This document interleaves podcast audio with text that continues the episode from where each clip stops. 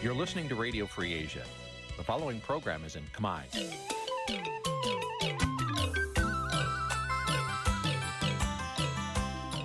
នេះជាកម្មវិធីផ្សាយ Vuthu Azizi Serai នេះជាកម្មវិធីផ្សាយរបស់ Vuthu Azizi Serai ជាភាសាខ្មែរ Vuthu Azizi Serai សូមស្វាគមន៍លោកអ្នកនាងទាំងអស់ពីរដ្ឋធានី Washington នៃសហរដ្ឋអាមេរិក ចាប់ផ្សាយផ្ទាល់ពីរដ្ឋធានី Washington នាងខ្ញុំសុជីវីសូមជម្រាបសួរលោកនាងកញ្ញាដែលកំពុងតាមដានការផ្សាយរបស់ Vuthu Azizi Serai ទាំងអស់ជាទីមេត្រីចាយើងខ្ញុំសូមជូនកម្មវិធីផ្សាយសម្រាប់យប់ថ្ងៃច័ន្ទ9កើតខែមិញឆ្នាំខាលចត្វាស័កពុរសករាជ2566ចាត្រូវនៅថ្ងៃទី30ខែមករាគ្រិស្តសករាជ2023ចាជាដំបូងនេះសូមអញ្ជើញលោកអ្នកនាងស្ដាប់ព័ត៌មានប្រចាំថ្ងៃដែលមានមេត្តាដូចតទៅ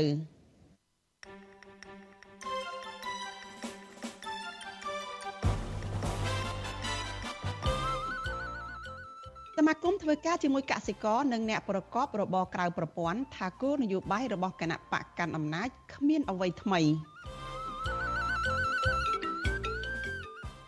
សកម្មជនគណៈបកភ្លើងទៀនម្នាក់នៅក្នុងខេត្តត្បូងឃ្មុំស្នើសុំឲ្យអាជ្ញាធរផ្ដល់ប្រាក់ឧបត្ថម្ភតាមរយៈបានសមត្ថៈឡើងវិញ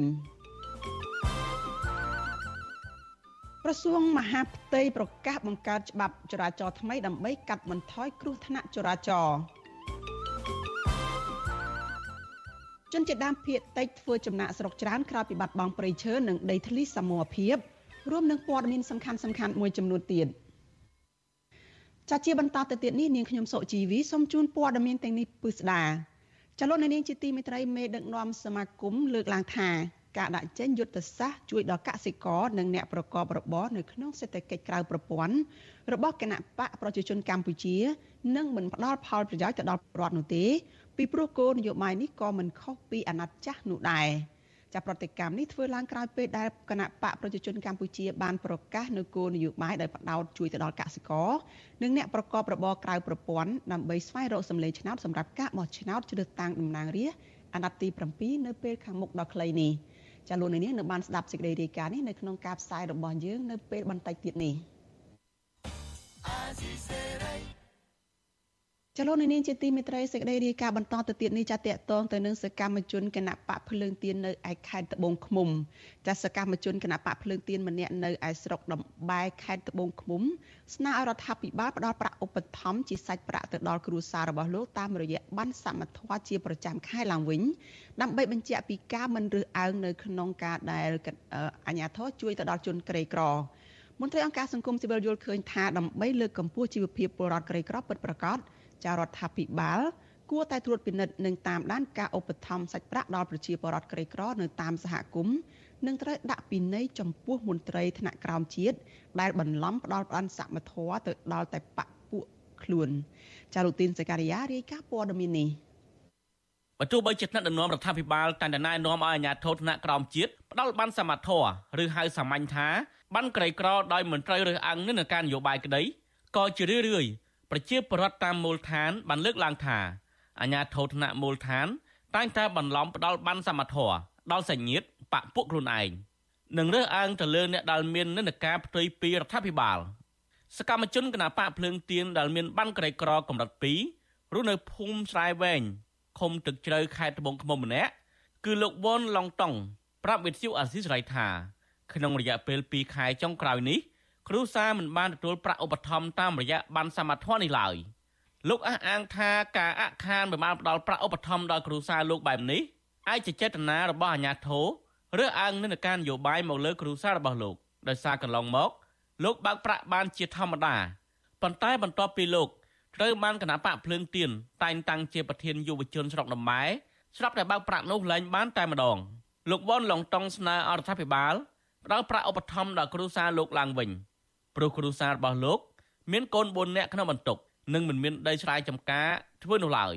ខ្ញុំសំណូមពរទៅប៉ុណ្្នឹងវិញសូមបានបានគ្រីក្រខ្ញុំបើកបានវិញកុំឲ្យកូនទៅបើកអន់ចិត្តគេបានកូនអត់បានអញ្ចឹងអន់ចិត្តកូន4នាក់ត្រី2ប្រុស2ប៉ុន្តែមួយនឹងទៅធ្វើការមួយចិត្តមើលគោ2ទៀតនៅរៀនមួយថ្ងៃ500ទេពូតរៀនគេ3 4000កូនគេប៉ុន្តែកូនខ្ញុំស្វែងជាពិបាកឆ្លើយតបនឹងការលើកឡើងនេះមេឃុំទឹកជ្រៅលោកហឹងមេងហៀងអះអាងថា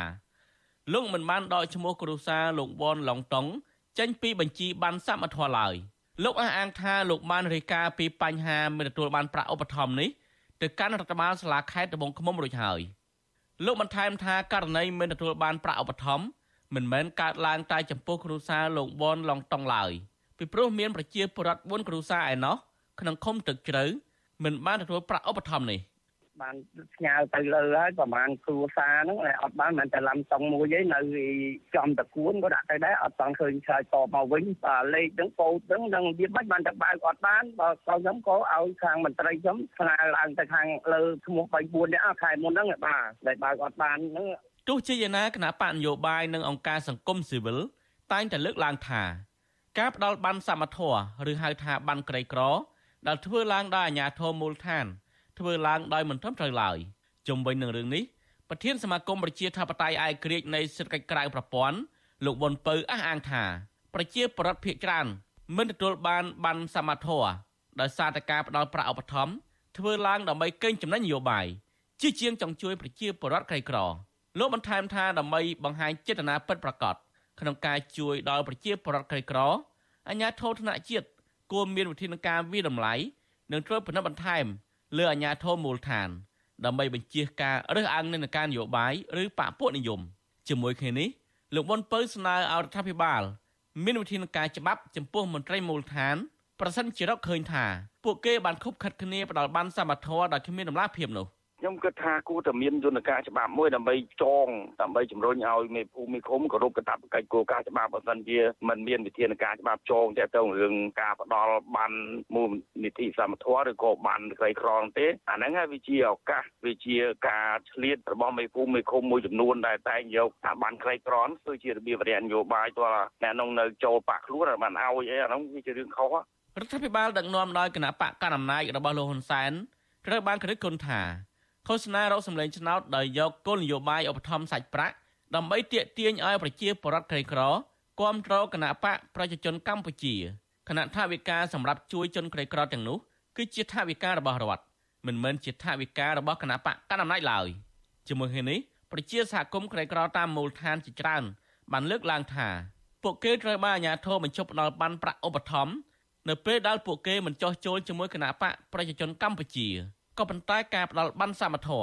ឬប្រាក់នេះផ្ដល់ជូនប្រជាពលរដ្ឋក្រីក្រទូទៅដោយមិនរើសអើងនោះគឺជាភារកិច្ចទទួលខុសត្រូវរបស់រដ្ឋាភិបាលខ្ញុំទីនសាការីយ៉ាអស៊ីសេរីប្រធានីវ៉ាស៊ីនតោនចាលោកនាងកញ្ញាជាទីមេត្រីចាលោកអ្នកកំពុងតែតាមដានការផ្សាយរបស់វិទ្យុអាស៊ីសេរីចាប់ផ្សាយចេញពីរដ្ឋធានី Washington សហរដ្ឋអាមេរិក ចាជាបន្តទៅទៀតនេះចាយើងមកតាមដានព័ត៌មានតកតនឹងការ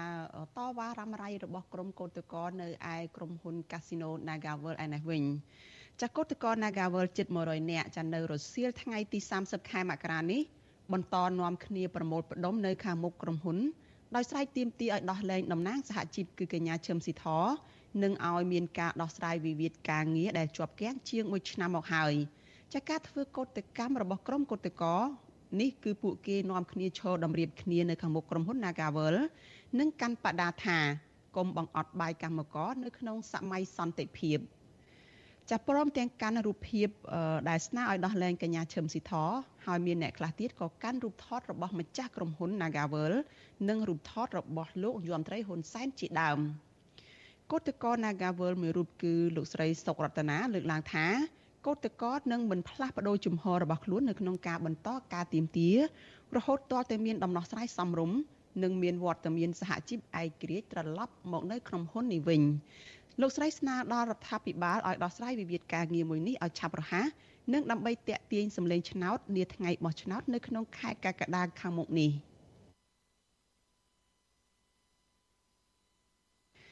ចាស់ស្រដៀងគ្នានេះដែរកោតកោ Nagawal ម្នាក់ទៀតគឺអ្នកនាងមុំសវັດធីននិយាយថា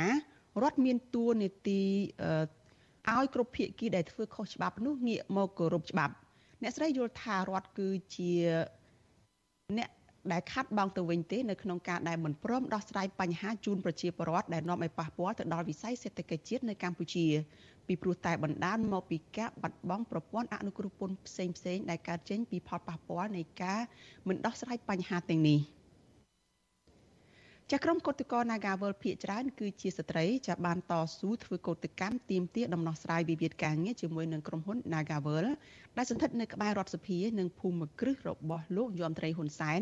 ជាមួយនឹងក្រុមហ៊ុននេះជាង1ឆ្នាំហើយប៉ុន្តែមិនត្រឹមតែគ្មានដំណោះស្រាយទេ គឺក្រុមកោតក្រទាំងនេះថែមទាំងទទួលរងនឹងការគំរាមកំហែងការធ្វើទុកបុកម្នេញអំពើហិង្សានិងការចោទប្រកាន់តាមផ្លូវតុលាការ ព្រមទាំងការឃុំខ្លួនថ្នាក់ដឹកនាំសហជីពដាក់នៅក្នុងពន្ធនាគារជាបន្តបន្ទាប់ថែមទៀតចាជាបន្តទៅទៀតនេះចានេះខ្ញុំមានសម្ភារផ្ទាល់មួយជាមួយនឹងកោតកោ Nagawal គឺគាត់មានឈ្មោះថាឈឹមសុខនចាសុខនចូលរួមជជែកនៅក្នុងកម្មវិធីផ្សាយរបស់យើងនៅយប់នេះចាតកតងនឹងការតវ៉ារបស់ក្រុមកោតកោ Nagawal ដែលបន្តនៅថ្ងៃនេះហើយរួមនឹង ការដែលពួកគាត់មិនទទួលបានប្រាក់ជំនួយពីអង្គការមនុស្សធម៌ពីប្រទេសអូស្ត្រាលីដោយសារតែមានការរារាំងមិនបើកប្រាក់ឲ្យដោយធនាគារ ABA ចាសសូមជម្រាបសួរសុខុនពីចម្ងាយចាចាសសុខុនចាចាជម្រាបសួរបងចាសុខុនឮពីខាងនេះខ្ញុំច្បាស់ទេចា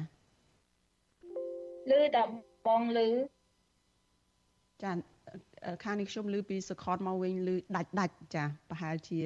ប្រព័ន្ធអ៊ីនធឺណិតមិនទាន់ច្បាស់ល្អចាសខនតើការតវ៉ានៅថ្ងៃនេះនឹង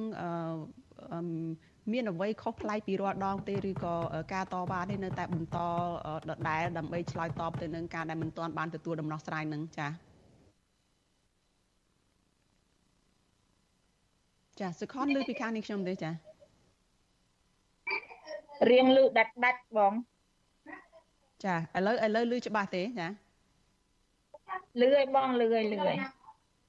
ចាសំណួររបស់ខ្ញុំតាក់ទងទៅនឹងការតវ៉ានៅថ្ងៃនេះថាតើមានអ្វីប្លែកឬក៏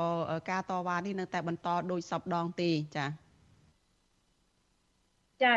ការតវ៉ាថ្ងៃនេះវាអត់មានអីប្លែកទេគឺតវ៉ាដោយសពដងតែយើងធ្វើជា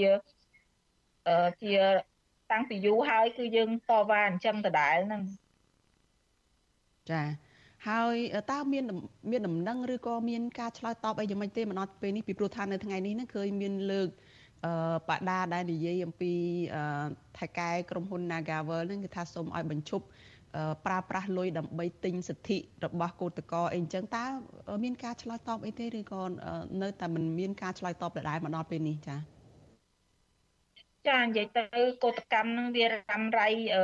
រយៈពេលមួយឆ្នាំជាងហើយមកដល់ពេលនេះយើងអត់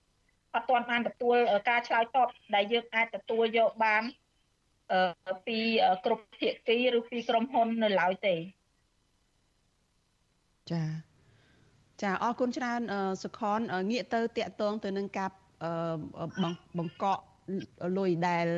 ខាងអង្គការមនុស្សធម៌ពីប្រទេសអូស្ត្រាលីដែលគេផ្ញើទៅឲ្យក្រុមកោតក្រហ្នឹងថាតើពេលនេះយ៉ាងម៉េចដែលមានការផ្លាស់ប្ដូរទេឬក៏នៅតែមិនអាចបើកប្រាក់នឹងបានឬក៏ទទួលដំណឹងថាយ៉ាងម៉េចតកតនឹងប្រាក់នេះចា៎ដោយសារអឺកាលពីថ្ងៃទី13ហ្នឹងមានបុគ្គលិកក្រុមមានបុគ្គលិកធនាគារ ABA ម្នាក់គាត់បានខលមកសួរនាងខ្ញុំថាអឺដោយសារអឺ នាងមានលុយ5050ដុល្លារបានទេមកកង់នាងខ្ញុំអញ្ចឹងហើយគេគេថាអញ្ចឹងលុយហ្នឹងគេអត់ទាន់តម្លាក់គេអត់ទាន់តម្លាក់ចូលកង់នាងខ្ញុំទេដោយសារគេចង់អឺសួរព័ត៌មានខ្លះពីនាងខ្ញុំអីអញ្ចឹងហើយទៅបន្ទាប់មកខ្ញុំក៏ថាហ្នឹងហើយអូនអូនចង់ដឹងអីសួរបងមកហើយដល់ពេលគេក៏ខលមកសួរយើងថាអឺ យើងនឹងធ្វើការនៅណាអីអញ្ចឹងតួនាទីអីគេហើយខ្ញុំក៏ប្រាប់ថាខ្ញុំជាបុគ្គលិក Naga ហើយតួនាទីខ្ញុំនឹងជាអឺ assistant people ហើយមានតួនាទីមួយទៀតគឺខ្ញុំគឺជាថ្នាក់ដឹកនាំសហជីពនៅក្នុងក្រុមហ៊ុន Nagavel ហ្នឹងហើយគេសួរថាអញ្ចឹងយើងនៅធ្វើការឡើយឬក៏មិនខ្ញុំថាអឺ យើងនៅជាបុគ្គលិក Naga ទេប៉ុន្តែក្រុមហ៊ុនហ្នឹងគេបានកាត់ឈ្មោះយើងមិនតែជាក់ស្ដែងយើងអត់ទាន់បានទទួលកញ្ចប់លុយទេអញ្ចឹងយើងស្ថិតនៅក្នុងការតវ៉ាឡើយអញ្ចឹងណាហើយគេសួរថាពាក់ព័ន្ធជាមួយលុយហ្នឹងតើអឺអឺលុយហ្នឹងអឺវេពីក្រៅប្រទេសមកហ្នឹងតើយើងយកលុយហ្នឹងទៅធ្វើអីគេយើងយកលុយហ្នឹងទៅធ្វើអឺការគ្រប់គ្រងឲ្យអ្នកធ្វើកោតកម្មហ្នឹង មែនខ្ញុំថាមែនទេលុយហ្នឹងគឺជាលុយដើម្បីយកមកជួយបុគ្គលិកអឺដែលគាត់ជួបវិបត្តិសេដ្ឋកិច្ចបុគ្គលិកស្ត្រីដែលមានកូនហើយអត់មានលុយទិញទៅដោះគោហើយគាត់ត្រូវបានក្រុមហ៊ុនកាត់ឈ្មោះទៅគាត់អត់ទាន់បានទទួលយកលុយអញ្ចឹងគាត់ខ្វះខាតដោយសារគាត់អត់មានប្រាក់ខែអញ្ចឹងគឺលុយហ្នឹងគឺយើងស្នើសុំជំនួយពីគេហ្នឹងដើម្បីជួយឧបត្ថម្ភសមាជិកយើងដែលមានការខ្វះខាតអីអញ្ចឹង ហើយបន្ទាប់មកទៀតគេក៏ប្រាប់ថានឹងហើយអត់អីទេចាំហើយគេថាចាំថ្ងៃស្អែកគេនឹងប្រាប់ព័ត៌មានថាគេអាចផ្ដល់លុយនឹងមកឲ្យយើងអត់អញ្ចឹងគេពិភាក្សាជាមួយមេគេអីអញ្ចឹងដែរតបមកទៀតគេក៏ខ្ញុំក៏ឆាតសួរគេនៅថ្ងៃទី14អីអញ្ចឹងគេប្រាប់ថាដោយសារយើង សុំទោសបងដោយសារលុយហ្នឹងគេអាចតម្លាក់ចូលកង់យើងបានទេដោយសារមានបញ្ហាឈ្មោះខ្ញុំហ្នឹងត្រូវបានមាន negative new ជាមួយ Naga អញ្ចឹងគេអាចតម្លាក់លុយនឹងទេហើយខ្ញុំក៏សួរគេថាចុះបើអត់អាចតម្លាក់លុយនឹងបានតើគេគេអាចចេញជាលិខិតអីទេ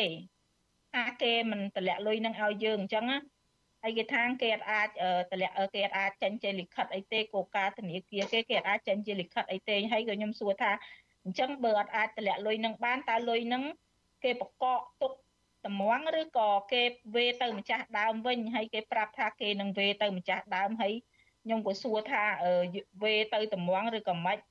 ហើយគេក៏ថាគេនឹងវេទៅម្ចាស់ដើមវិញហើយបន្ទាប់មកទៀតក្រោយនឹងហើយគេក៏ប្រាប់យើងអញ្ចឹងយើងក៏ អត់យើងក៏ឈប់សួរព័ត៌មាននឹងហើយបន្ទាប់មកទៀតយើង follow up ស៊ីថហ្នឹងក៏បាន follow up ជាមួយម្ចាស់ដើមលុយគេហ្នឹងថាគេបានទទួលលុយនឹងអត់អញ្ចឹងពេលហ្នឹងគឺគេអត់ទាន់បានទទួលលុយទេបន្ទាប់ពីថ្ងៃ14ហ្នឹងមកគេអត់ទាន់បានទទួលលុយទេហើយអញ្ចឹងខ្ញុំក៏ follow up មួយធនាគារទៀតថាដោយសារលុយហ្នឹងម្ចាស់ដើមគេអត់ទាន់ទទួលអញ្ចឹងតើរយៈពេលវេទៅម្ចាស់ដើមហ្នឹងវាមិន គេថាងដោយសារគេវេទៅតាំងពីថ្ងៃទី17អញ្ចឹងគេផុតពីដៃគេហើយអញ្ចឹងអាចថាវាទៅនៅស្នាក់ការកដាលអីអញ្ចឹងពុំដឹងគេផុតពីដៃគេអីអញ្ចឹងសុខនចាយល់ឃើញអាណា ចំពោះការរៀបរៀងមិនបើប្រាក់ឲ្យក្រមកោតកោដែលចាអធិស្ឋានដែលប្រាក់នេះគឺជាប្រាក់ជំនួយមនុស្សធម៌សុទ្ធសាធនេះចាខ្ញុំយល់ឃើញថាវា ធនាគារគឺជាកន្លែងផ្ញើលុយរបស់អតិថិជនអីអញ្ចឹងហើយនេះគឺជារឿងរបស់អតិថិជនលុយនេះធនាគារគឺគ្រាន់តែមានសិទ្ធិថាលុយហ្នឹងវាមកពីមានប្រភពច្បាស់លាស់អីអញ្ចឹងហេតុអីបានត្រូវបកកអត់បើកឲ្យដោយសារដោយសារមូលហេតុគឺគេលើកថាយើងមានព័ត៌មាន negative news ជាមួយ Naga ខ្ញុំអត់យល់ថាគោលការណ៍របស់គេហ្នឹង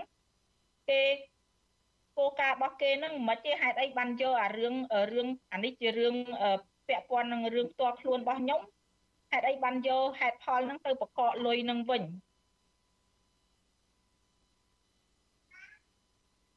ចាអឺ យើងកំពុងតែជជែកគ្នានេះគឺតកតងទៅនឹង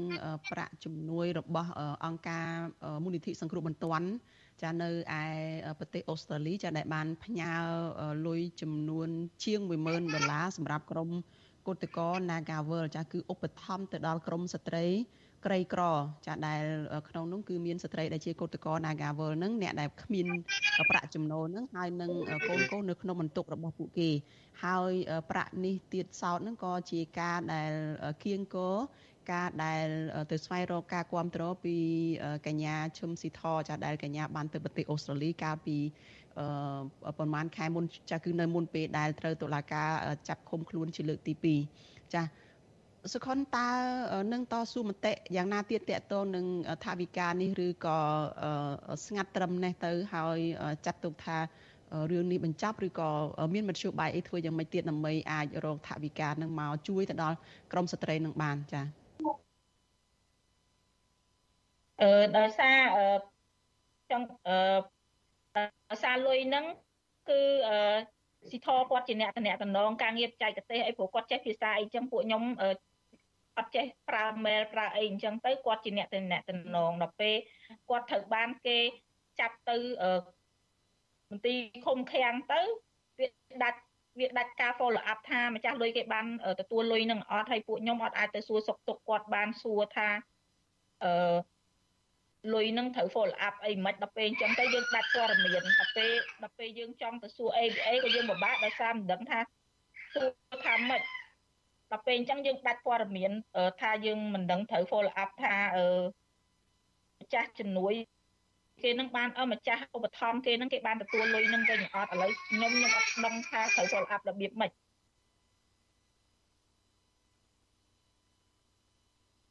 ចាយើងនឹងតាមដានរឿងនេះទៀតចាថាតើក្រមកោតក្រ Nagavel នឹងអាចទទួលបានប្រាក់ជំនួយពីអង្គការមនុស្សធម៌នេះដែរឬទេចាដើម្បីជួយដោះស្រាយជីវភាពរបស់ពួកគាត់ចា អរគុណច្រើនសុខនចាដែលបានផ្ដល់សម្ភារនៅយុគនេះចាជម្រាបលាត្រឹមប៉ុណ្ណេះចា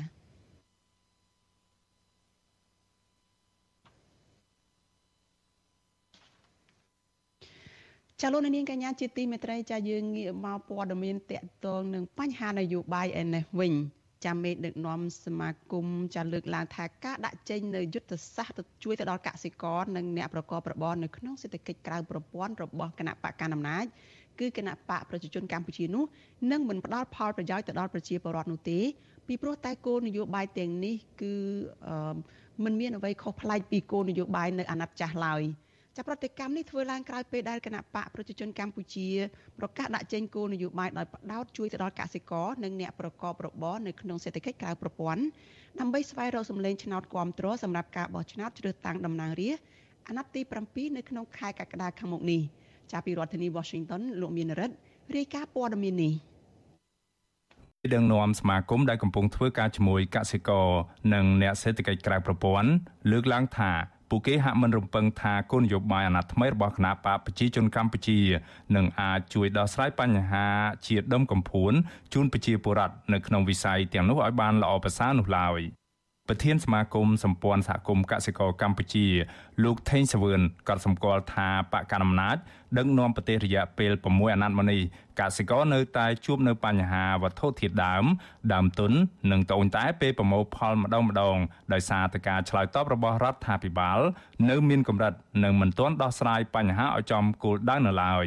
លោកយល់ថាការប្រកាសដាក់ចេញនៅគោលនយោបាយជួយដល់កសិកររបស់គណៈបកកណ្ដាលអំណាច គ្រាន់តែជាយុទ្ធវិធីថ្មីទាក់ទាញសម្លេងឆ្នោតពីកសិករនៅមុនការបោះឆ្នោតតែប៉ុណ្ណោះលោកថេងសវឿនបញ្ជាក់ថាការតាក់តែងគោលនយោបាយយកមកបង្ហាញមិនមែនជាការលំបាកនោះទេសម្រាប់គណៈបកនយោបាយក៏ប៉ុន្តែលោកថាបញ្ហាសំខាន់ត្រូវពិនិត្យលើការអនុវត្តនិងដំណោះស្រាយជាក់ស្ដែង ថាតើមានប្រសិទ្ធភាពដោយតាមការអះអាងនៅមុនការបោះឆ្នោតដែរឬទេ អ្វីដែលយើងអាចវងវិនបានគឺការអនុវត្តជាក់ស្ដែងនិងទស្សនវិជ្ជាជាក់ស្ដែងនៃការឆ្លើយតបនិងដំណោះស្រាយយើងចង់ឲ្យការគិតការពិចារណារបស់អ្នកនយោបាយក៏ដូចជាម្ចាស់ឆ្នោតគិតគូរទៅលើចំណុចទាំងអស់ហ្នឹងទៅហើយម្ចាស់ឆ្នោតជាអ្នកសម្រេចចិត្តពីព្រោះថាដុំព័ត៌មានទាំងអស់ពេលបច្ចុប្បន្ននេះគឺជាលទ្ធភាពមួយរុញឲ្យម្ចាស់ឆ្នោតធ្វើការសម្រេចចិត្តបានហើយការរៀបចំគោលនយោបាយវិស័យកសិកម្មថ្មីនៃអនុម័តដោយមហាសន្និបាតរបស់គណៈបព្វជិជនកម្ពុជាជាយុទ្ធវិធីនិងយុទ្ធសាស្ត្រក្នុងការទាក់ទាញដល់សម្លេងឆ្នោតនៅក្នុងដំណើរការនៃការបោះឆ្នោតខាងមុខចំណែកប្រធានសមាគមប្រជាធិបតេយ្យឯករាជ្យនៃសេដ្ឋកិច្ចក្រៅប្រព័ន្ធលោកវុនពៅថ្លែងថាបច្ចុប្បន្នអ្នកប្រកបរបរក្រៅប្រព័ន្ធភាគច្រើន មានជីវភាពខ្វះខាតដោយសារតែពួកគេពិបាករកប្រាក់ចំណូល ដែលអ្នកនយោបាយត្រូវយកចិត្តទុកដាក់ដោះស្រាយសម្រាប់អាណត្តិថ្មីនេះលោកសាទរចំពោះគោលនយោបាយរបស់គណៈបកប្រជាជនកម្ពុជា ដែលផ្ដល់បានក្រីក្រ ឬបានបេឡារបបសន្តិសុខសង្គមឡើងវិញ ក៏ប៉ុន្តែលោកយល់ថាបានទាំងនេះគ្រាន់តែជាដំណោះស្រាយមួយក្នុងចំណោមបញ្ហាជាច្រើនតែប៉ុណ្ណោះពីព្រោះអ្នកប្រកបរបរក្រៅប្រព័ន្ធត្រូវការរដ្ឋាភិបាលយកចិត្តទុកដាក់ស្ដារមុខរបរផ្ដល់មុខរបរថែទាំសុខភាពទូទៅ និងជួយជំរុញឲ្យពលរដ្ឋដោះខ្លួនចេញពីអន្ទាក់បំណុលធនាគារជាដើមយើងសូមឲ្យអ្វីដែលលើកក្នុងគោលនយោបាយសរសេរនៅក្នុងក្រដាស់ របស់បកហ្នឹងគឺត្រូវអនុវត្តជាក់ស្ដែងតែម្ដងយើងមិនចង់ឃើញការលើកនៅក្នុងមហាសន្និបាតឬក៏សរសេរក្នុងគោលនយោបាយរបស់បកគឺល្អឥតខ្ចោះប៉ុន្តែការអនុវត្តពិតវានៅមានកម្រិតអាហ្នឹងវាជារឿងមួយដែលបកនឹងការទទួលយកបានហើយបើសិនជាអនុវត្តដោយដែលមានចែងនៅក្នុងគោលនយោបាយសរសេររបស់បកហ្នឹងជាពិសេសបកការអំណាចនេះគឺយើងសាទរបើសិនជាអនុវត្តបាន ប្រតិកម្មនេះធ្វើឡើងបន្ទាប់ពីគណៈបកកណ្ដាលអំណាចដាក់ចេញគោលនយោបាយផ្ដោតលើកសិករនិងអ្នកប្រកបរបរសេដ្ឋកិច្ចក្រៅប្រព័ន្ធនិងក្នុងប្រព័ន្ធដើម្បីស្វែងរកការគ្រប់គ្រងសម្រាប់ការបោះឆ្នោតជ្រើសតាំងតំណាងរាស្ត្រអាណត្តិទី7 អ្នកនាំពាក្យគណៈបកប្រជាជនកម្ពុជា លោកសុកអេសានថ្លែងក្នុងសន្និសីទសារព័ត៌មានក្រោយបិទបញ្ចប់មហាសន្និបាតបកកាលពីល្ងាចថ្ងៃទី29ខែមករាថាកម្មវិធីនយោបាយនេះមិនខុសពីអាណត្តិចាស់នោះទេដោយគណៈបកគ្រាន់តែពង្រឹងនិងជំរុញបន្ថែមទៀតលោកបញ្ជាក់ថាគណៈបកប្រជាជនកម្ពុជានឹងជួយដល់កសិករតាមរយៈការបញ្ជូនអ្នកជំនាញដល់ភូមិឃុំ បង្រៀនបច្ចេកទេសផលិត ជួយទុននិងរកទីផ្សារលក់ផលិតផលជាដើម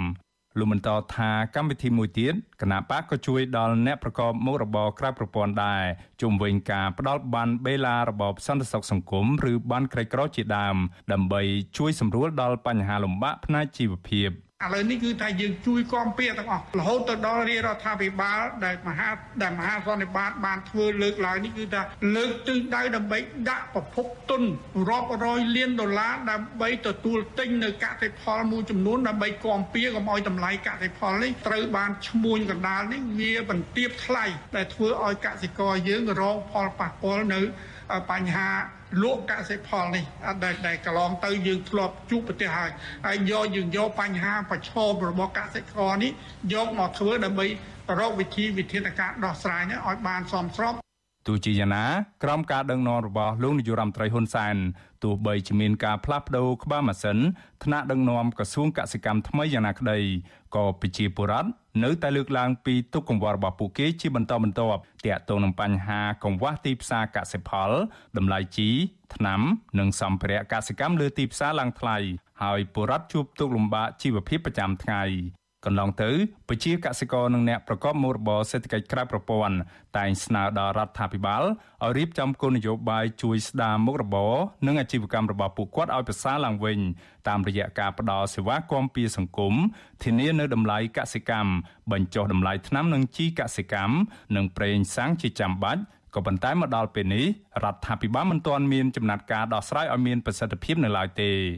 អ្នកវិភាគនយោបាយសង្កេតឃើញថានៅមុនពេលបោះឆ្នោតម្ដងម្ដងគណៈបកប្រជាជនកម្ពុជាតែងតែបង្ហាញនៅគោលនយោបាយឬកម្មវិធីនយោបាយផ្ដោតការយកចិត្តទុកដាក់ចំពោះក្រុមគោលដៅដែលមានសម្លេងឆ្នោតច្រើន ដូចជាកសិករកម្មករអាជីវករនិងយុវជនជាដើមក៏ប៉ុន្តែក្រោយការបោះឆ្នោតរួចរដ្ឋាភិបាលក្រោមការដឹកនាំរបស់គណៈបកប្រជាជនកម្ពុជានេះមិនបានយកចិត្តទុកដាក់ដោយការសន្យានោះឡើយ លើសពីនេះទៀតកន្លងទៅពលរដ្ឋណាដែលហ៊ានងើបតវ៉ាឬចេញស្វែងរកកិច្ចអន្តរាគមន៍ពីរដ្ឋាភិបាលវិញពួកគេតែងតែរងនឹងការបង្ក្រាបចោតប្រកាន់ចាប់ដាក់ពន្ធនាគារទាំងអយុត្តិធម៌ដោយពាក្យស្លោកមួយពោលថាមុនបោះឆ្នោតសំពះពេលឈ្នះឆ្នោតសំពងខ្ញុំបានមេរិត Visual C ស្រីពីរដ្ឋធានី Washington ចាលោកនាងកញ្ញាប្រិយមិត្តជាទីមេត្រីចាតកតងនឹងការដាក់ចេញនៅផែនការសម្រាប់រកសម្លេងឆ្នោតនៅមុនការបោះឆ្នោតរបស់គណៈបកកណ្ដាលអំណាចនេះដែរចាបកកណ្ដាលអំណាចបានបដិញ្ញាថានឹងកម្ចាត់នយោបាយនិងសកម្មភាពជ្រុលនិយមគ្រប់រូបភាពឲ្យអស់ពីសង្គមកម្ពុជាចាការបដិញ្ញាចិត្តនេះគឺជាផ្នែកមួយនៃសេចក្តីសម្រេចចិត្តនៃមហាសន្និបាតវិសាមញ្ញតំណាងទូទាំងប្រទេសរបស់គណៈបកកណ្ដាលអំណាចរយៈពេល2ថ្ងៃ ចាដែលបានបិទបញ្ចប់កាលពីល្ងាចថ្ងៃទី29ខែមករាម្សិលមិញនេះចាទន្ទឹមនឹងការបដិញ្ញាចិត្តនេះគណៈបកនេះនៅតែមិនទាន់ហ៊ានដាក់ឈ្មោះលោកហ៊ុនម៉ាណែតថាជាបេក្ខភាពនាយករដ្ឋមន្ត្រីផ្លូវការសម្រាប់ការបោះឆ្នោតនៅក្នុងឆ្នាំ2023ខាងមុខនេះនៅឡើយទេគឺនៅបន្តដាក់ឈ្មោះលោកហ៊ុនសែនជាបេក្ខជននាយករដ្ឋមន្ត្រីដដែល ចាលោកនាងនឹងបានស្ដាប់សេចក្តីរាយការណ៍នេះពិស្ដានៅក្នុងការផ្សាយរបស់យើងនៅពេលបន្តិចទៀតនេះ។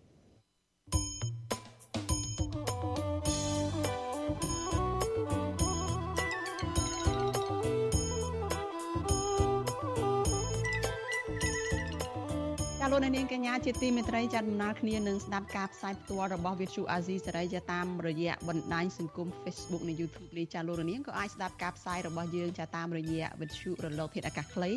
ចា Post SW តាមកម្រិតនិងកម្ពស់ដូចតទៅនេះពេលព្រឹកចាប់ពីម៉ោង5កន្លះដល់ម៉ោង6កន្លះ តាមរយៈ Post SW 9.39 MHz ស្មើនឹងកម្ពស់ 32m និង Post SW 11.85 MHz ស្មើនឹងកម្ពស់ 25m ចាប់ពេលយប់ចាប់ពីម៉ោង7កន្លះដល់ម៉ោង8កន្លះតាមរយៈ post SW 9.39 MHz ស្មើនឹងកម្ពស់ 32m និង post SW 11.88 MHz ស្មើនឹងកម្ពស់ 25m និង post SW 15.15 MHz ស្មើនឹងកម្ពស់ 20m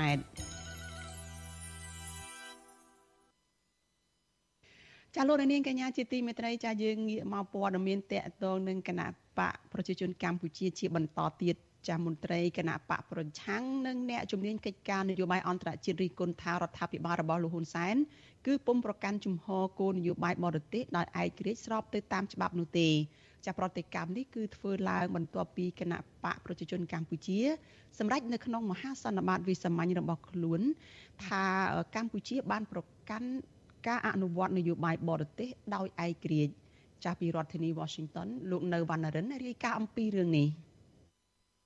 មន្ត្រីគណៈបកប្រឆាំងលើកឡើងថាការប្រកាសរបស់គណៈបកកណ្ដាលអំណាចដែលថាកម្ពុជាអនុវត្តនយោបាយការបរទេសដោយឯករាជ្យនោះគឺមានតែចែងក្នុងក្រដាស់តែប៉ុណ្ណោះ ក៏ប៉ុន្តែការអនុវត្តជាក់ស្ដែងរបស់រដ្ឋាភិបាលលោកហ៊ុនសែនបង្ហាញពីជំហរលំអៀងទៅកាន់ប្រទេសចិនកុម្មុយនីស មន្ត្រីជាន់ខ្ពស់គណៈបកសង្គ្រោះជាតិលោកអ៊ុំសំអាន ប្រាប់វិទ្យុអាស៊ីសេរីនៅថ្ងៃទី30ខែមករាថាកម្ពុជា ក្រោមការដឹកនាំរបស់លោកហ៊ុនសែនមិនបានប្រកាន់ខ្ជាប់នៅនយោបាយការបរទេសអព្យាក្រឹតស្របតាមច្បាប់នោះទេព្រោះកន្លងទៅរដ្ឋាភិបាលឯកបកនេះតែងតែលំអៀងទៅរកប្រទេសចិននិងដឹកនាំប្រទេសកាន់តែប្រឆាចគន្លងលទ្ធិប្រជាធិបតេយ្យ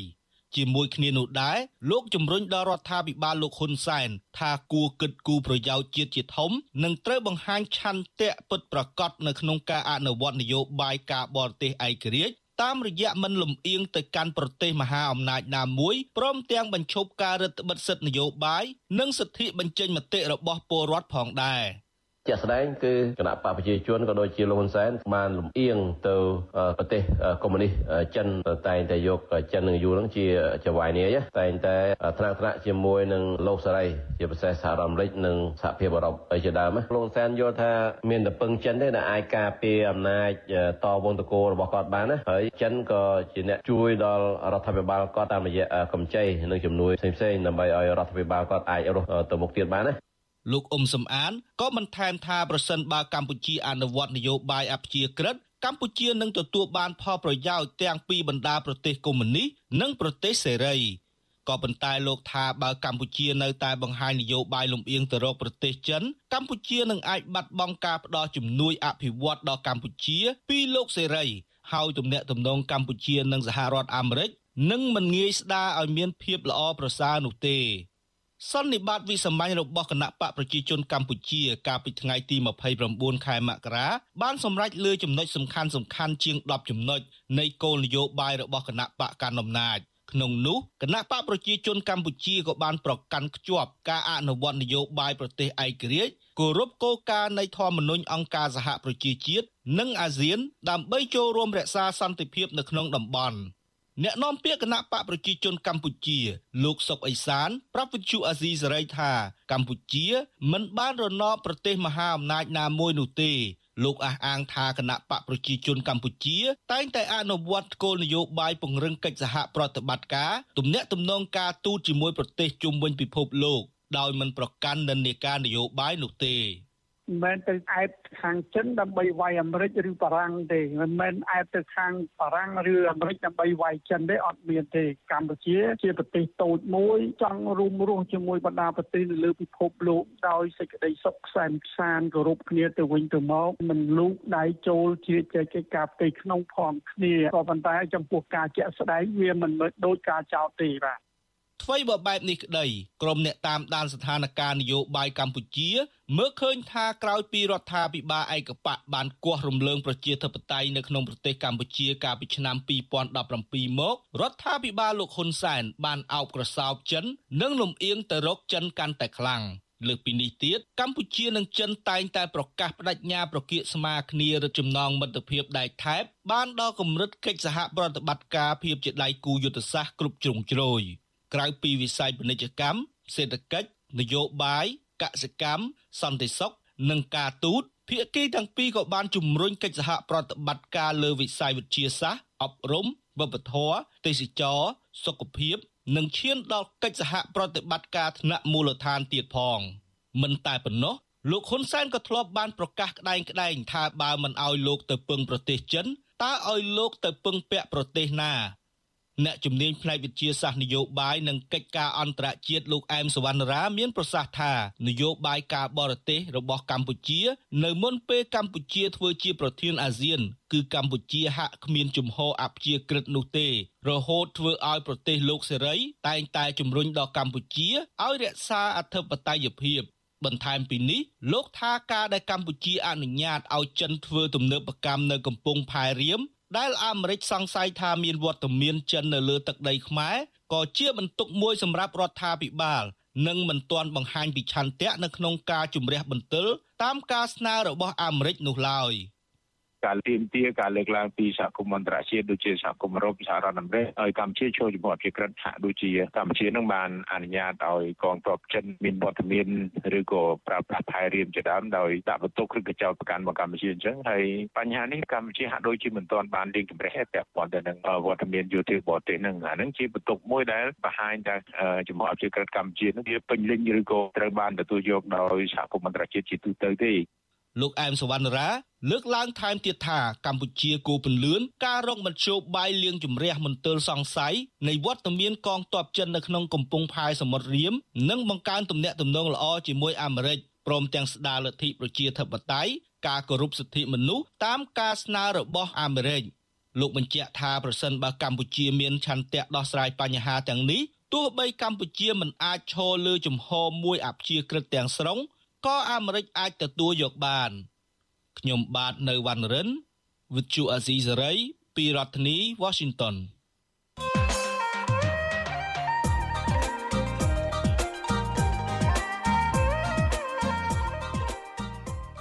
លោកនាងជាទីមេត្រីប្រតិភូអន្តរសាសនានៃសហព័ន្ធខ្មែរកម្ពុជាក្រោមនឹងទៅចូលរួមសន្និសីទសេរីភាពសាសនាអន្តរជាតិនៅរដ្ឋធានី Washington នៅដើមសប្តាហ៍នេះ ចាសន្និសីទនេះនឹងធ្វើឡើងស្របពេលដែលក្រសួងការបរទេសអាមេរិកដាក់ប្រទេសវៀតណាមទៅក្នុងបញ្ជីឃ្លាំមើលនៃប្រទេសរំលោភសិទ្ធិសាសនាធ្ងន់ធ្ងរតើព្រះសង្ឃខ្មែរនិងពលរដ្ឋខ្មែរក្រោមដែលកំពុងរស់នៅលើទឹកដីកំណើតនោះមានសេរីភាពនៅក្នុងការប្រតិបត្តិសាសនាពេញលេញដែរឬទេចាក្នុងនីតិវេទិកាអ្នកស្ដាប់វិទ្យុអាស៊ីសេរីចានៅយប់ថ្ងៃអង្គារទី31ខែមករាស្អែកនេះ ចានៅនឹងមានតំណាងប្រតិភូអន្តរសាសនានៃសហព័ន្ធខ្មែរកម្ពុជាក្រោមចូលរួមជជែកជុំវិញបញ្ហាសិទ្ធិសេរីភាពសាសនានៅកម្ពុជាក្រោមចាសសូមអញ្ជើញលោកអ្នកនាងរងចាំតាមដានវេទិកានៃស្ដាប់វិទ្យុអាស៊ីសេរីចាសនៅយប់ថ្ងៃស្អែកនេះកុំបីខានប្រសិនបើលោកអ្នកនាងមានសំណួរឬក៏ចង់បញ្ចេញមតិយោបល់ចាសសូមអញ្ជើញលោកអ្នកនាងដាក់លេខទូរស័ព្ទរបស់លោកអ្នកនាងនៅក្នុងខ្ទង់ comment របស់ Facebook និង YouTube របស់វិទ្យុអាស៊ីសេរីចាសលោកអ្នកនាងនឹងបានឱកាសចូលរួមជជែកនៅក្នុងវេទិកានៅថ្ងៃស្អែកនេះចាសសូមអរគុណ thank you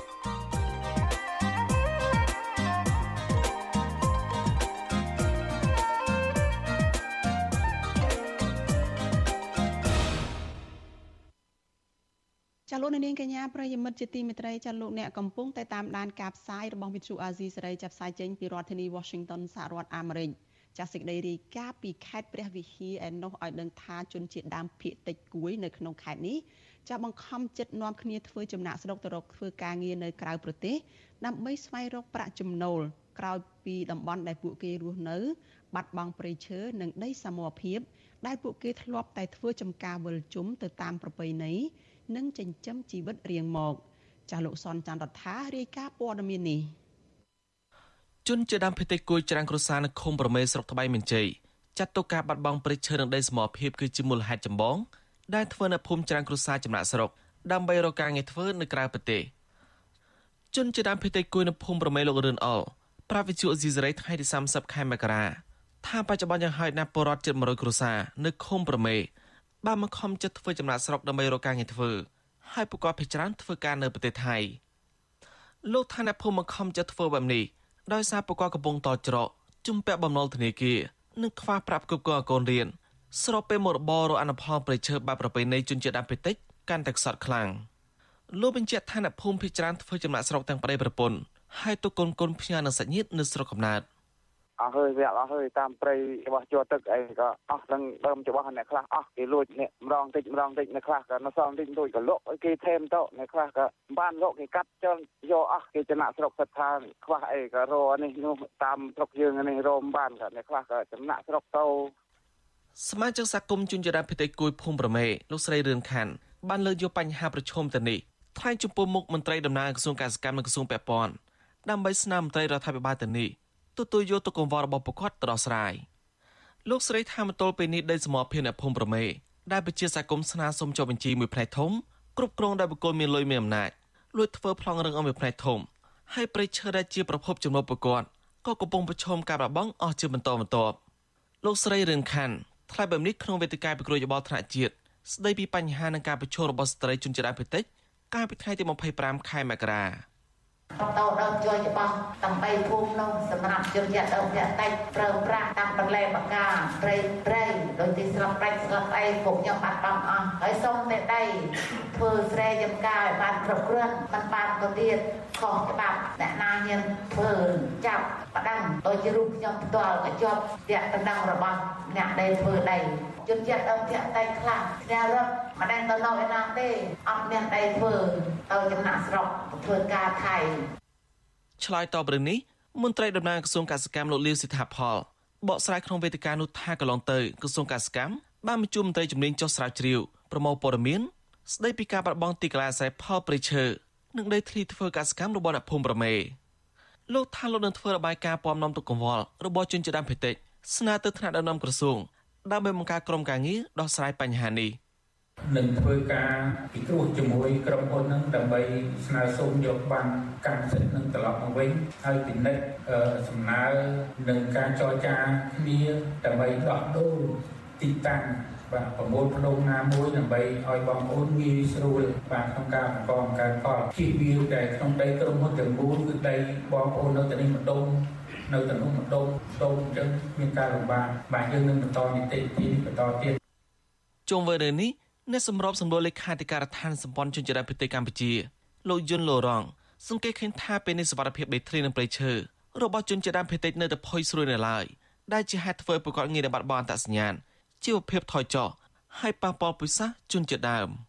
លោកបញ្ជាក់ថាផលប៉ះពាល់វិជ្ជមានទៅនេះបានរុញច្រានឲ្យយុវជន និងជនជាតិដើមភាគតិចជាច្រើន បង្ខំចិត្តចំណាក់ស្រុកដើម្បីក្រពះនៅតែទាមទារឲ្យមានការផ្ដល់អតិភិបក៏ដូចជាយកចិត្តដាក់ខ្ពស់ក្នុងការផ្ដល់សុខភាពស្ដីធ្លីទៅដល់ជនជាតិដើមភាគតិចណាព្រោះវានៅតែជាផ្នែកមួយនៃការធានាបាននៅសុខុមាលភាពសុខដុមរមនានិងសុវត្ថិភាពទៅដល់ជនជាតិដើមភាគតិចដែលអាចឲ្យគាត់រស់នៅមានការអភិវឌ្ឍប្រកបដោយនិរន្តរភាពផងដែរអញ្ចឹងណាសេចក្តីថ្លែងការណ៍របស់ស្ត្រីជនជាតិដើមភាគតិច បានចុះផ្សាយកាលពីសប្តាហ៍មុនបង្ហាញថាការបបងដីធ្លីនិងព្រៃឈើដោយសារមានវត្តមានក្រុមហ៊ុនឯកជននិងបុគ្គលឯកជនធ្វើជីវភាពជនជាតិដើមភាគតិចជួបការលំបាកខ្លាំងនិងបាត់បង់មុខរបរប្រពៃណីទំនៀមទម្លាប់ភាសានិងសេចក្តីសុខដុមរមនារបស់ប្រជាសហគមន៍ដែលមានទម្លាប់អាស្រ័យផលព្រៃឈើតាំងពីបុរាណកាលមកខ្ញុំសនចាររថាវិទ្យុអស៊ីសេរីរាយការណ៍ពីរដ្ឋធានីវ៉ាស៊ីនតោន ចាលោកនាងជាទីមេត្រីបកកាន់អំណាចបដិញ្ញាកម្ចាត់នយោបាយនិងសកម្មភាពជ្រុលនិយមគ្រប់រូបភាពឲ្យអស់ពីសង្គមកម្ពុជាចាទន្ទឹមនឹងការបដិញ្ញាចិត្តនេះគណៈបកនេះនៅតែមិនទាន់ហ៊ានដាក់ឈ្មោះលោកហ៊ុនម៉ាណែតជាបេក្ខជននាយករដ្ឋមន្ត្រីផ្លូវការសម្រាប់ការបោះឆ្នោតជាតិនៅក្នុងឆ្នាំ2023នេះនៅឡើយទេដោយបន្តដាក់ឈ្មោះលោកហ៊ុនសែនជាបេក្ខជាបេក្ខជននាយករដ្ឋមន្ត្រីដដែលចាសសូមស្ដាប់សេចក្តីរាយការណ៍មួយទៀតរបស់លោកមានរិទ្ធអំពីរឿងនេះ។ សេចក្តីសម្រេចចិត្តនៃមហាសន្និបាតវិសម័យរបស់បកកណ្ដាលអំណាចដែលធ្វើឡើងនៅមណ្ឌល6ខែមុនការបោះឆ្នោតជ្រើសតាំងតំណាងរាស្ត្រអាណត្តិទី7ប្រកាសជាចំហថាគណៈបកកណ្ដាលអំណាចចាំបាច់ត្រូវកំចាត់ឲ្យអស់ពីសង្គមកម្ពុជានៅអ្វីមួយដែលគណៈបកនេះហៅថាជានយោបាយនិងសកម្មភាពជ្រុលនិយមគ្រប់រូបភាព អ្នកនាំពាក្យគណៈបកប្រជាជនកម្ពុជាលោកឈឹមផាវរុនអាហារនៅក្នុងសន្និសីទសារព័ត៌មានក្រោយបិទបញ្ចប់មហាសន្និបាតបកកាលពីល្ងាចថ្ងៃទី29ខែមករាម្សិលមិញថាគណៈបកកណ្ដាលអំណាចធ្វើដូច្នេះ គឺដើម្បីកែប្រែអេរយាប័តនៅក្នុងចំណោមពលរដ្ឋខ្មែរដើម្បីបញ្ជៀសការចាត់ទុកគ្នាជាសត្រូវដែលធ្វើឲ្យបែកបាក់ឯកភាពជាតិឥឡូវនេះវាចូលដល់វប្បធម៌នយោបាយមួយដែលយើងអាយុ30ឆ្នាំហើយនៅវិជារដ្ឋាភិបាលសេរីភូប៉ាអញ្ចឹងយើងរាជរដ្ឋាភិបាលដែលមានភារកិច្ចក្នុងការធានានៅសំណាប់ធ្នាប់សង្គមទាំងមូលគឺអាចចេញជាគោលការណ៍មើងម៉ាត់ដើម្បីទប់ស្កាត់មិនឲ្យមានចរិតនយោបាយ ជ្រុលនិយមហួសហេតុអានេះជាកត្តាសំខាន់ណាស់មិនមែនត្រឹមតែកត្តាច្បាស់ទេយើងចង់ឲ្យមនុស្សម្នាក់ៗនាំនេះកែអេតយ៉ាបតដែរហើយនេះចំណុចល្អហើយជាសេចក្តីសុខសាន្តដល់ប្រជាពលរដ្ឋដែលយើងមើលឃើញទាំងអស់គ្នាសន្តិភាពយើងបានហើយឥឡូវយើងឈានទៅដល់ការថែរក្សាសន្តិភាព តែអ្វីដែលបំផ្លាញសន្តិភាពគឺចរិតនយោបាយជ្រុលនិយមហួសហេតុដែលបំផ្លាញឲ្យคล้ายទៅជាភាពជាសត្រូវ ទន្ទឹមនឹងនេះគណៈបកប្រជាជនកម្ពុជាគូបញ្ជាក់ថាគណៈបកខ្លួនប្រឆាំងដាច់ខាតទៅនឹងរាល់សកម្មភាពប្រទុស្រាយដែលធ្វើឲ្យប៉ះពាល់ដល់សន្តិភាពប្រជាធិបតេយ្យនីតិរដ្ឋនិងការអភិវឌ្ឍនៅកម្ពុជាអ្នកវិភាគនយោបាយលោកកឹមសុខ ដែលបច្ចុប្បន្នកំពុងរស់នៅភៀសខ្លួននៅប្រទេសហ្វាំងឡង់ដើម្បីគេចចេញពីការតាមធ្វើទុកបុកម្នេញពីសំណាក់អាជ្ញាធររដ្ឋាភិបាលរបស់លោកនាយរដ្ឋមន្ត្រីហ៊ុនសែនយល់ថាគឺគណៈបកប្រជាជនកម្ពុជាទៅវិញទេ ដែលជាអ្នកធ្វើនយោបាយជ្រុលនិយម តាមរយៈការបំផ្លាញប្រជាធិបតេយ្យនិងនីតិរដ្ឋនារយៈពេលចុងក្រោយនេះអ្នកដែលធ្វើអំពើជ្រុលនិយមគឺគណៈបកប្រជាជនកម្ពុជា គឺប្រើកម្លាំងជ្រុលបំភ្លៃច្បាប់ជ្រុល បំផ្លាញគេជ្រុលសម្លាប់ប្រជាធិបតេយ្យជ្រុលបិទគូប្រជែងមិនឲ្យចូលរួមប្រកួតជ្រុលហើយរៀបចំប្រកួតតែឯងណាជ័យ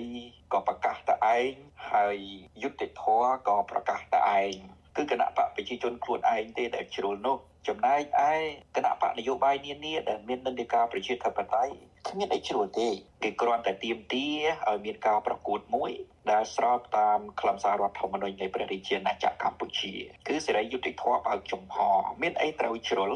លោកកឹមសុខបកស្រាយបន្តថាការដែលគណៈបកកណ្ដាលអំណាចបន្តដាក់ចេញនៅយុទ្ធសាស្ត្រគំតិចបែបនេះទំនងជាគណៈបកប្រជាជនកម្ពុជា នៅតែមានការព្រួយបារម្ភខ្ពស់អំពីចលនានៃគណៈបកនយោបាយស្របច្បាប់ដទៃទៀតជាពិសេសគណៈបកភ្លើងទៀនដែលអាចដណ្ដើមអំណាចពីខ្លួនបានរីឯអ្នកជំនាញវិជាសាស្ត្រនយោបាយលោកអែមសវណ្ណារាវិញលោកបារម្ភថាការបន្តលៀបពណ៌គ្នាថាជាក្រុមជ្រុលនិយមដោយគណៈបកកណ្ដាលអំណាចប្រើប្រាស់ប្រព័ន្ធតុលាការ ឬស្ថាប័នរដ្ឋខ្វះឯករាជ្យនឹងធ្វើឲ្យសង្គមកម្ពុជារឹតតែបែកបាក់គ្នាកាន់តែខ្លាំង។ ការដឹកនាំគណៈបកកណ្ដាលអំណាចកន្លងមករិះគន់គណៈបកប្រឆាំងជាដើមហើយដល់ពេលគណៈបកប្រឆាំងចាប់ដើមរិះគន់វិញហាក់ដូចជាមានសារគម្រាមកំហែងហើយស្ថាប័នសាធារណៈជាច្រើនដែលជាស្ថាប័នឯករាជ្យរបស់រដ្ឋហ្នឹងហាក់ដូចជាចេញសារមកស្ថាប័នហ្នឹងមិនមែនជាតំណាងទៅដោយស្ថាប័នសាធារណៈឯករាជ្យទេហាក់ដូចជាតំណាងអង្គការដូចជាក្តីបារម្ភធ្វើឲ្យសង្គមជាតិហាក់ដូចជាបែងចែកលែងមានអព្យាក្រឹតភាពឈរកណ្ដាលដែលពលរដ្ឋអាចពឹងអាស្រ័យបានហើយជាកិច្ចការមួយដែលយើងជាបារម្ភជាទូទៅហើយកាលណាបើសង្គមជាតិកម្ពុជាប្រឈមបញ្ហាបែងចែកឬក៏ចោតប្រកាន់គ្នាលៀបពណ៌គ្នាមិនចេះចោតចេះហើយនឹងវាអត់អីខុសពីរបបមុនមុនដែលផ្លាស់ប្ដូររបបឬក៏ផ្លាស់ប្ដូរអ្នកដឹកនាំតាមបដិវត្តឬក៏កម្លាំងទេ ទន្ទឹមនឹងការបដិញ្ញាចិត្តកម្ចាត់នយោបាយនិងសកម្មភាពជ្រុលនិយមនេះមហាសន្និបាតវិសម័យរបស់គណៈបកប្រជាជនកម្ពុជាក៏បានសម្រេចបន្តដាក់ឈ្មោះលោកហ៊ុនសែនជាបេក្ខភាពនាយករដ្ឋមន្ត្រីសម្រាប់ការបោះឆ្នោតអាណត្តិទី7ខាងមុខនេះគណៈបកនេះនៅតែមិនហ៊ានដាក់ឈ្មោះលោកហ៊ុនម៉ាណែតជាបេក្ខភាពនាយករដ្ឋមន្ត្រីផ្លូវការសម្រាប់អាណត្តិទី7នេះនៅឡើយទេដោយគ្រាន់តែដាក់ថាគ្រប់គ្រងលោកហ៊ុនម៉ាណែតជាបេក្ខភាពនាយករដ្ឋមន្ត្រីសម្រាប់ពេលអនាគត អ្នកនាំពាក្យគណៈបកប្រជាជនកម្ពុជាមួយរូបទៀតគឺលោកសុសយ៉ារ៉ាបដិសេធមិនបញ្ជាក់ពេលវេលាជាក់លាក់ថាតើពេលណាគណៈបកនេះនឹងដាក់ឈ្មោះលោកហ៊ុនម៉ាណែត ជាបេក្ខភាពនាយករដ្ឋមន្ត្រីផ្លូវការក៏ប៉ុន្តែលោកថាគណៈបកប្រជាជនកម្ពុជានឹងបញ្ជាក់ក្រោយការបោះឆ្នោតរួច រឿងបញ្ហា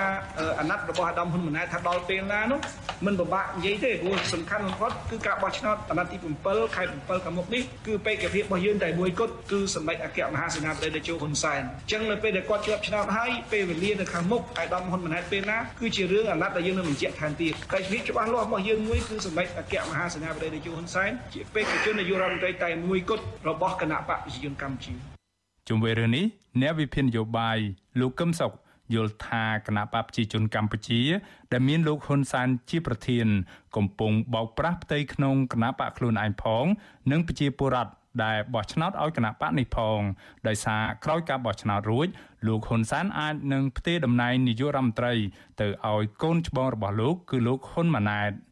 មើលទៅលោកនាយករដ្ឋមន្ត្រីហ៊ុនសែនគ្មានវិធីណាក្រៅតែពីបោកប្រាស់ផ្ទៃក្នុងខ្លួនឯងផងនិងប្រជាពលរដ្ឋខ្មែរផង ដើម្បីសម្រេចផែនការផ្ទៃអំណាចពីគាត់ទៅកូនប្រុសរបស់គាត់នោះទេដោយសារតែលោកហ៊ុនម៉ាណែតនិយាយអំពីដំណើរនៃការផ្ទៃអំណាចមិនមែនជាបុគ្គលដែលមានគីឡូប្រកួតប្រជែងទេទាំងនៅក្នុងផ្ទៃក្នុងគណៈបកទាំងនៅក្នុងផ្ទៃក្នុងជាតិគឺគីឡូនាំរឿងគីឡូបង្កបញ្ហាដល់គណៈបកប្រជាជនផងដល់ប្រទេសជាតិកម្ពុជាផងដូច្នេះក្រៅតែវិធីបោកប្រាស់អត់មានគន្លឹះណាដែលលោកហ៊ុនសែនអាចផ្ទេរអំណាចឲ្យកូនប្រុសរបស់ខ្លួនឡើយ កម្ពុជាក្រោមការដឹកនាំរបស់គណៈបកប្រជាជនកម្ពុជា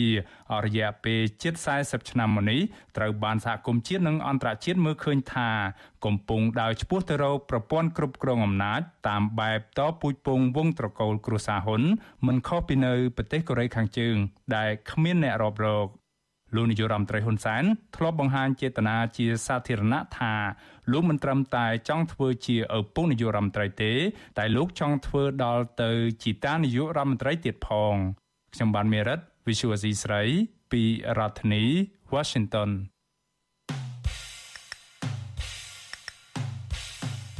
នេតិខ្មែរកម្ពុជាក្រោម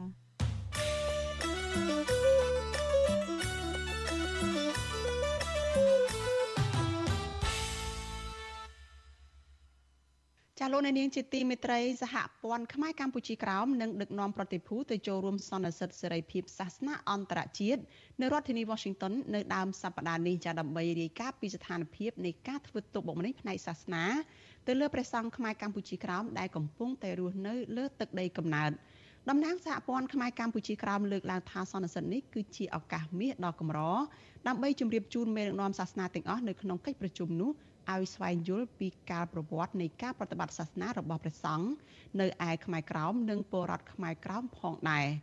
ចាប់ពីរដ្ឋធានី Washington លោកយុនសាមៀនរាយការណ៍ព័ត៌មាននេះសន្និសីទសេរីភាពអន្តរសាសនានឹងចាប់ផ្ដើមពីថ្ងៃទី31មករាដល់ថ្ងៃទី1កុម្ភៈនៅរដ្ឋធានី Washington សន្និសីទលើកទី3នេះរៀបចំឡើងដោយគណៈកម្មការសេរីភាពអន្តរសាសនារបស់សហរដ្ឋអាមេរិកដើម្បីបង្កើតឲ្យមានក្រុមអង្គការចម្រុះ ធ្វើការងាររួមគ្នាដើម្បីលើកដំកើងសេរីភាពសាសនាអន្តរជាតិនិងជំរុញឲ្យមានការដឹងឮនិងស្វែងយល់ពីសេរីភាពសាសនាអន្តរជាតិគណៈកម្មការសេរីភាពអន្តរសាសនា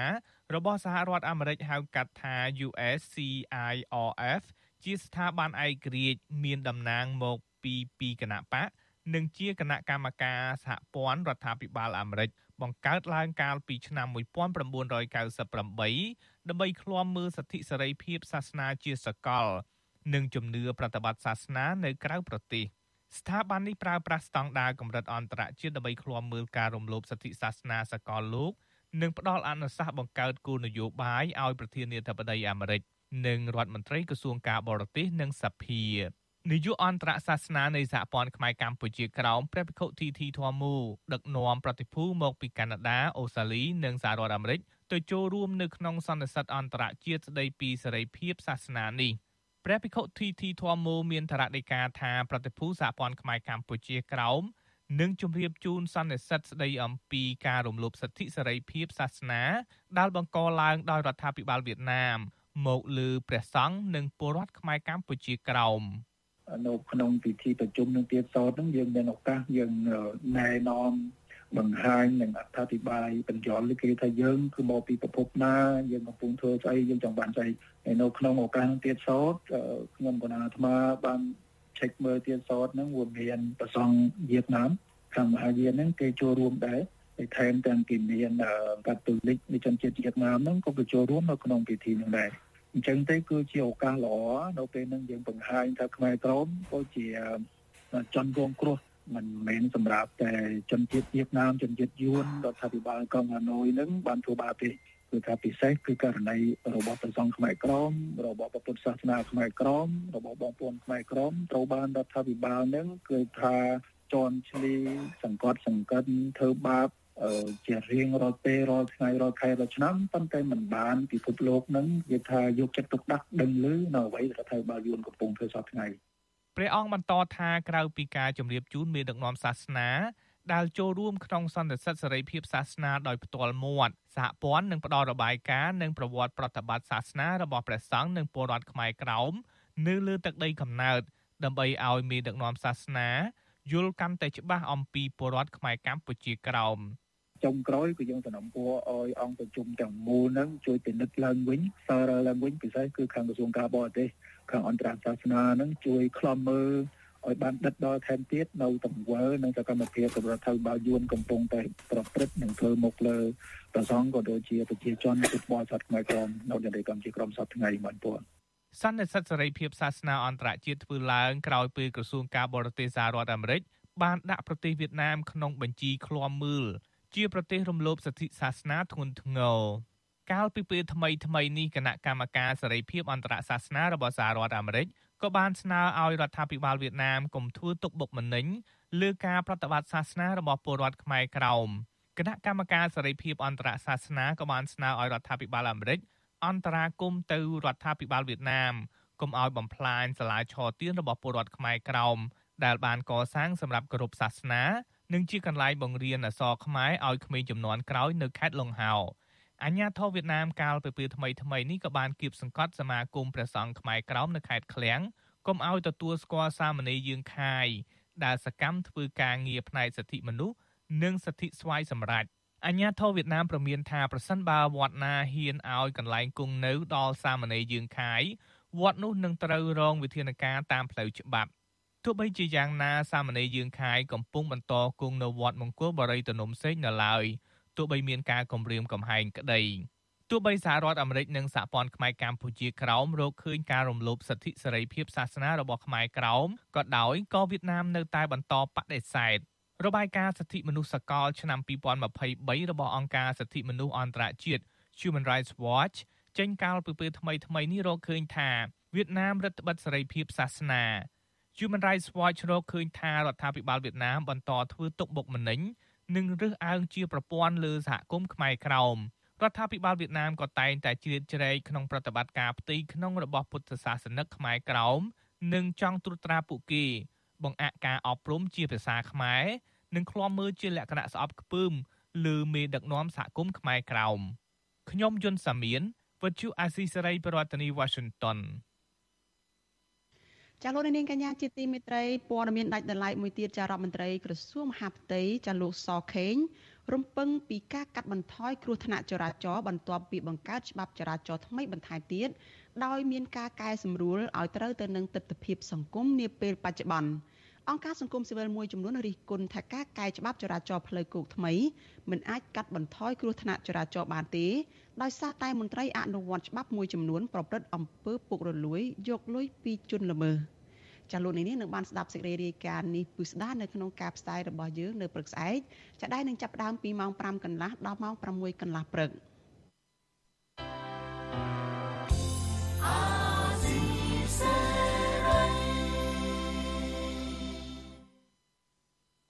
ចាលោកនាងជាទីមេត្រីចាកផ្សាយរបស់វិទ្យុអាស៊ីសេរីនៅយប់នេះចាចាប់ត្រឹមតែប៉ុណ្ណេះចានាងខ្ញុំសុជីវីព្រមទាំងក្រុមការងារទាំងអស់នៃវិទ្យុអាស៊ីសេរីចាសូមថ្លែងអំណរគុណដល់លោកអ្នកនាងដែលតែងតែមានភក្ដីភាពចំពោះការផ្សាយរបស់យើងចាហើយចាត់ទុកការស្ដាប់វិទ្យុអាស៊ីសេរីនេះចាគឺជាផ្នែកមួយនៃសកម្មភាពប្រចាំថ្ងៃរបស់លោកអ្នកនាងចាហើយក៏សូមអរគុណដែរទៅដល់លោកអ្នកនាងចាដែលតែងតែចែករំលែកការផ្សាយរបស់វិទ្យុអាស៊ីសេរីចានៅលើបណ្ដាញសង្គម Facebook និង YouTube នេះទៅកាន់មិត្តភ័ក្តិរបស់លោកអ្នកនាងចាដើម្បីឲ្យការផ្សាយរបស់យើងនេះបានទៅដល់មនុស្សកាន់តែច្រើនចានេះខ្ញុំសុជីវីព្រមទាំងក្រុមការងារទាំងអស់នៃវិទ្យុអាស៊ីសេរីចាសូមអរគុណនិងសូមជម្រាបលា